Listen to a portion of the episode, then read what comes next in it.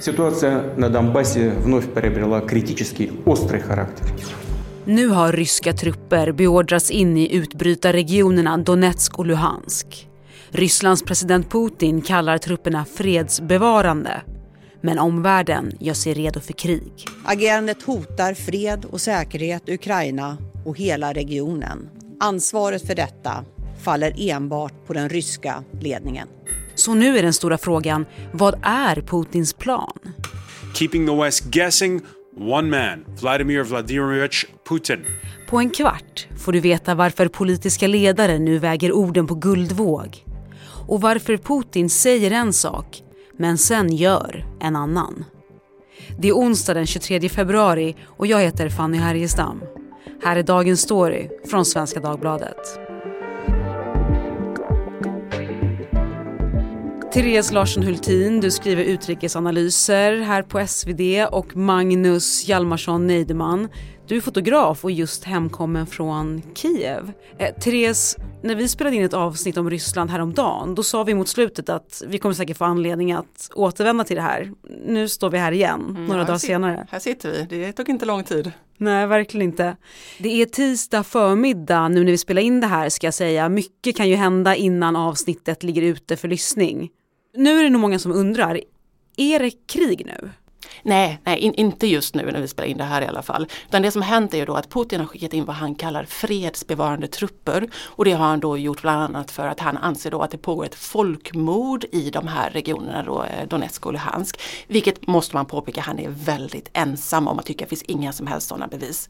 Eh, det som är intressant är ju att se vad som händer när de här trupperna då möter de runt 30 000 ukrainska soldater som finns på plats. Stannar man upp och markerar närvaro eller, eller börjar man skjuta och går vidare. Kommer det bli en invasion eller inte? Just nu väger ju de politiska ledarna sina ord på guldvåg kan man säga. Berätta, vad har du snappat upp? Ja, men det handlar om ordet invasion framför allt. Är det här en invasion vi ser eller inte? Alltså från Vita huset och EU-ledare så är man väldigt tydlig med att det här är olagligt, man fördömer det som har hänt men man tar inte ordet invasion i sin mun. Mm. Eh, och det gör man delvis då för att man, man vill lugna situationen. Om man liksom säger invasion så följer det, viss, eh, då följer det sanktioner och man vill ge Putin liksom möjligheten att, att stanna här, att, liksom att situationen inte ska eskalera ytterligare. Men hur långt kan ryssarna gå då? Ja men det är ju det vi inte vet just nu. De kan ju gå liksom hur långt som helst, kan ju ta hela landet. Det är ju det som vi har spekulerat om i månader här nu och det är det vi inte vet. Det vet ju bara Putin själv.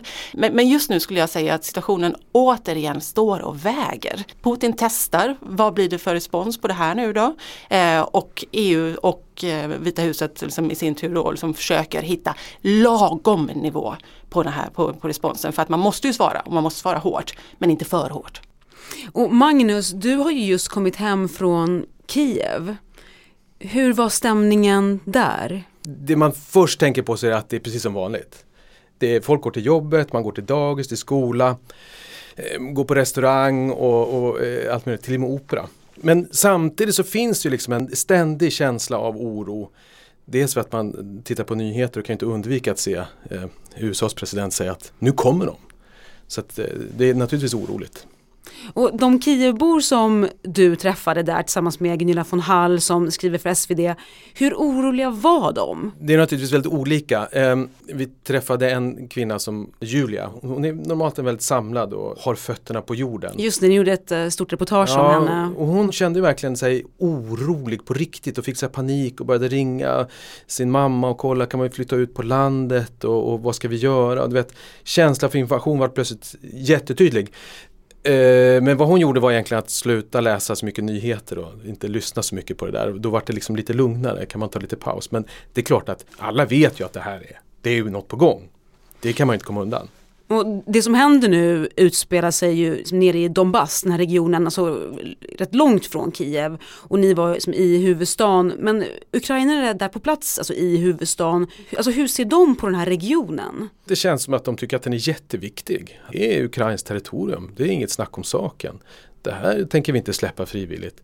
Men Kiev är en sak, men jag vet att i Lviv till exempel som ligger väldigt nära den polska gränsen, där är en helt annan grej. Där säger de mer liksom att ja, ja, det är där borta, det är långt bort. Andra sidan landet. Andra sidan landet, ja, ja. Eh, vad händer där? Det händer inte här liksom. Och det är ju så, det är, det är dit som alla har evakuerat nu. Eh, eh, alla ambassader och allting sitter tydligen numera i Lviv på avstånd. Man kan säga också att Ukraina är ju ett väldigt delat land. Den östra delen är som indus väldigt stor industri, mer rysktalande, eh, mer riktat mot, mot Ryssland eller var förr i alla fall. Medan då väst är liksom mer, mer västerländskt och liksom mer ukrainska. Och så, så det är ett splittrat land redan sedan innan kan man säga. Och de har ju levt nu, ukrainarna, med ett lågintensivt krig sedan 2014. Hur har det påverkat ukrainarna? Dels är de liksom vana vid det här. Det är inget nytt att ryssarna är inne i deras land. Det är bara att nu är det lite mer eskalerat än vad det brukar vara. Och sen kan man säga att också de har ju lärt sig att försvara sig på ett helt annat sätt. Just det, du träffade någon som beskrev det här. Exakt, en, en före detta soldat Misha som nu har en sån här territorial defense-grupp som tränar inför att, för att kunna försvara sig. Och han säger liksom att, att förut då, när 2014, då hade vi inget försvar. Vi visste inte vad vi skulle göra, vi kunde ingenting. Nu har vi tränat, nu är det en helt annan nivå, nu kommer vi försvara oss. Det säger de. Mm. Det är de hmm. väldigt tydliga med att de vill göra också. Ja, en sak som har hänt är ju att ukrainarna har ju enats mer mot Ryssland, alltså tvärt vad Putin ville. Alltså även många ryskspråkiga ukrainare är ju nu anti, man vill ju inte att, att liksom Ryssland ska komma och ta över. Så att det är ett betydligt mer enat land. Det vi ser hända nu började 2014 när oroligheter bröt ut i östra Ukraina.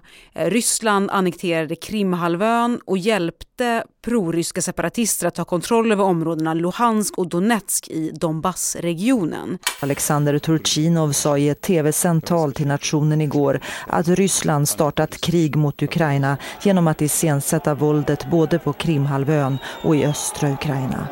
Prorysk milis ockuperar myndighetsbyggnader och har satt upp vägspärrar i flera ukrainska städer.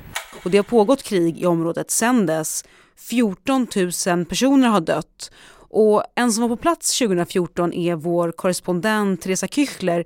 Du är också med oss nu. Teresa, kan du ge oss en bild av hur det var när du var där? Ja, men när jag var där sommaren 2014 då var det fullt eh, inbördeskrig kan man säga. Luhansk var en spökstad. Där hade i stort sett hela befolkningen flytt fältet och det som fanns kvar där var bara hus med skotthål i, i väggarna och, och krossade fönster och rasade spårvagnsledningar. Eh, det satt några då rysk understödda separatister som hade tagit kontroll av, av stadshuset men, men i övrigt så var det en spökstad.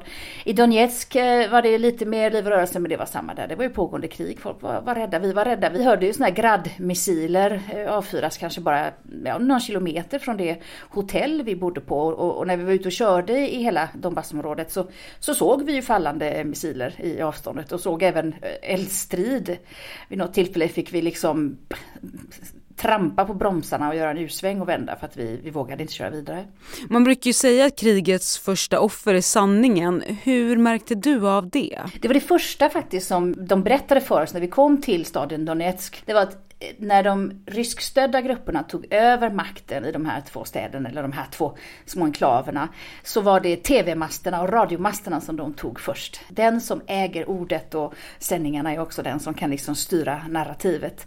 Så att de liksom stormade radiomasterna och stormade stadshuset ungefär samtidigt, eller kanske till och med radiomasterna lite före. Vi såg exempel på, på liksom hur man hade tagit över berättelsen då, av de här ryskstödda grupperna. Det, var, det spreds länge till exempel en historia historia om att eh, ukrainska vettvillingar hade bundit fast en fyraårig eh, rysktalande flicka längst fram i en tank och, och liksom kört omkring med henne och sen släpat henne efter och, och trasat sönder och det skulle vara något på något sånt där Lenintorg i någon stad. Och när man tittade upp den här staden så fanns det inte ens ett Lenintorg i den staden. Det fanns inga bilder, det fanns ingen sanning bakom. Men det, för oss var det ett exempel på hur i en situation där människor är väldigt rädda och spänningarna är stora i luften och runt omkring en så tar man då över den här rollen av att tala om för folk vad som händer och skapa rädsla och vrede inte minst för att få folk att ta upp vapen kanske. Och Teresa, kommer du jobba vidare nu under dagen med tanke på det som händer just nu? Ja, just nu här i Bryssel där jag då befinner mig som Europakorrespondent så, så sitter EUs 27 eh, utrikesministrar och, och, lite andra och konfererar om ett, liksom ett första svar på eh, Eh, Putins agerande igår. Så vi får se vad som kommer ut från det. Jag har också faktiskt kontakt med den här fixen då som hjälpte oss i Ukraina för, för eh, år 2014. Så jag får liksom löpande rapporter om hur han mår och vad han ser och han skickar bilder då faktiskt på hur folk lämnar eh, städerna. Så att jag, jag, jag försöker liksom med två öron följa storpolitiken och sen den lilla eh, den lilla människan, den här mannen då som jag känner så starkt för som, som måste vara kvar där och som jag har arbetat ihop med i några dagar. Ja men då ska du få prata vidare med honom. Tack Teresa Küchler. vi låter dig fortsätta jobba.